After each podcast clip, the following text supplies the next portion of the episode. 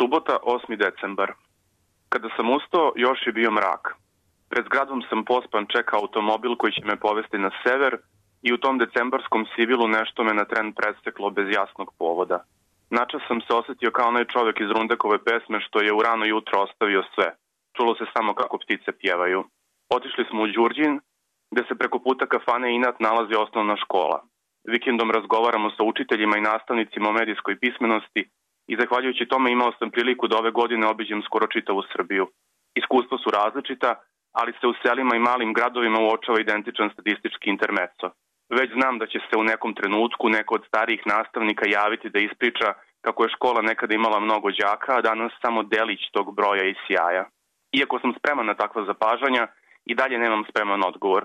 Uz osmeh izgovaram nešto poput šta ćete. Na pola sata od Đurđina i moje selo, pa se ne vraćam u Novi Sad, nego idem kod mame. Popodne, štrudla sa višnjama, streaming sa protesta, bez sa povodom. Prošetali smo do Bakija, mama je usput nabrajala koje su kuće ostale prazne.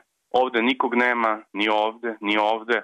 Ovde je jedno ostalo, ovde dvoje, ova je isto prazna i nije mi bilo sve jedno. Rekao sam joj šta ćeš i na tren poželao da još dugo stojim tu na kraju ulice, da pustim suze da se same slijevaju. Nedelja 9. decembar. Mama čita Elenu Ferrante, a ja Knausgora. Sklapam knjigu na svakih pet minuta i postavljam joj besmislena pitanja, hipotetičke zamke i misalne eksperimente, čisto da se o nečemu priča. Jer uz knjigu je lepo, ali mi je žao da vikend provedemo zajedno, a tako razdvojeni. Ona u Italiji, a ja u Norveškoj. Nakon ručka, baka čita recepte za kolače, a pra baka informer. Vidi samo naslove i vidi da nam se ne piše dobro.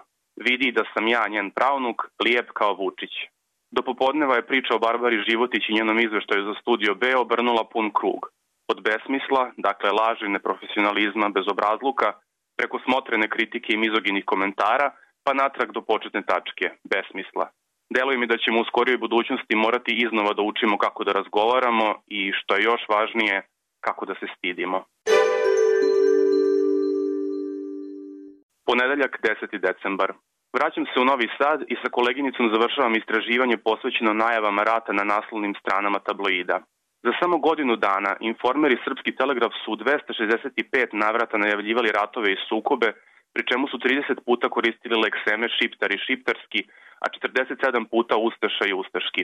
Uočili smo 48 vrsta imeničkih i 85 glagolskih sintagmi kojima se najavljuje sukob nuklearni rat, rat sve bliži, balkanski rat, građanski rat, ulični rat, nuklearna objava, objava rata, veliki rat, rat do istrebljenja, specijalni rat, hladni rat, treći svetski rat, na ivici rata, izolacija i rat, krvavi plan, plan za okupaciju, pakleni plan, opasan plan, zločinački plan, hteti rat, biti za rat spreman, spremati se za rat, srljati u rat, objaviti rat, ići u rat, pripremati rat, pozivati na građanski rat, naružavati za rat, gurati u rat, pretiti ratom, pakovati rat, želeti haos, sejati haos, praviti haos, izazvati haos, plivati u krvi, piti krv, nestati u krvi, napiti se krvi, čoveče.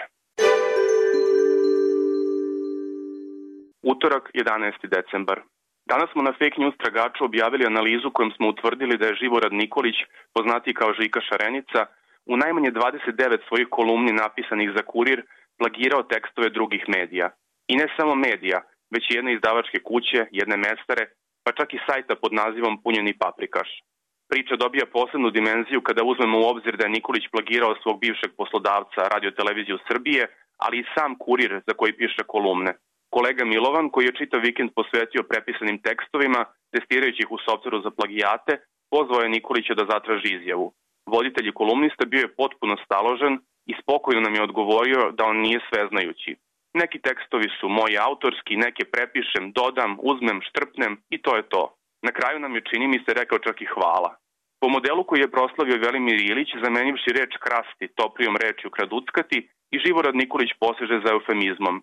Ne kaže se ukrasti, nego štrpnuti. Na kraju ispane čak i simpatično. A nije. A tako nije. Ovog semestra radim sa studentima na šest predmeta, pri čemu se moj omiljeni krije pod najdosadnijim nazivom Osnove funkcionalne stilistike srpskog jezika. Reč je o maloj grupi, na čas dolazi desetak studenta, a večeras je bilo posebno divno slušati ih koliko su pametni, dobri i vredni.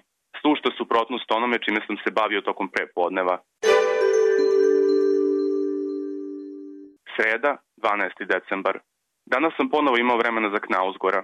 U petom tomu moje borbe autor između ostalog opisuje kako je kao tinejdžer putovao vozom iz Grčke u Beč. Mislio je da će putovanje trajati nekoliko sati i zaprepastio se kada je shvatio da je reč o skoro dva cela dana. Međutim, kada je voz ušao u Jugoslaviju, krajolik je, kaže on, bio toliko divan da je bolelo. Ima da znam da je to potpuno nevažno, obradovala me pomisao da je Knausgor pre 30 godina prolazio kroz Novi Sad, Bačku Topolu i Suboticu, istom prugom kojom se ja krećem dok čitam njegovu knjigu. O Knausgoru sam večeras razgovarao i sa koleginicom sa katedre za psihologiju. Sada, nakon sat vremena, ne bih mogao da rekonstruišem sled silnih digresija, ali se sećam da smo pričali o tome zašto nam Knausgor toliko znači, pa smo nekako došli do teme iskrenosti i spokoja, a onda nije bilo kraja.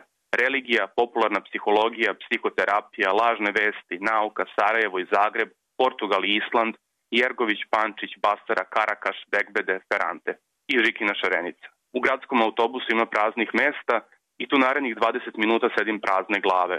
Kroz prozor svetlucaju neonski kvadrati, sunca, slova i zmije. Četvrtak, 13. decembar. Toliko volim zimu da ponekad ujutro kad izađem iz predoplog stana namerno propustim gradski autobus kako bih se na tenane smrznuo dok ne dođe sledeći. Jutro sam kupio NIN sa glavnim urednikom Srbije na naslovnoj strani i tako sam čekajući dvanaesticu netremice gledao u lik urednika Vučića. Možda prabaka uočava nešto što ja ne vidim. Moj prijatelj Gudmundur Ringi Bjarnaston, koji u Olaf Sjodoru na severu Islanda radi kao spasilac, okačio je na svoj Facebook profil sliku Aurore Borealis. Ide mi se ponovo na daleki sever, mada to i nije neka novost. Sinoć je na Island, umesto mene, otišla Anđela iz serije Jutro će promeniti sve. Petak, 14. decembar.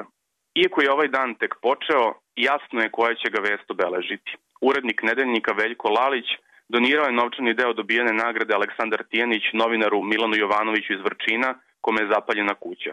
Za mene je to zaista jedna od najlepših vesti koje sam pročitao ove godine. Sa kolegama iz Fake News tragača dogovaram se oko proslave prvog rođendana portala.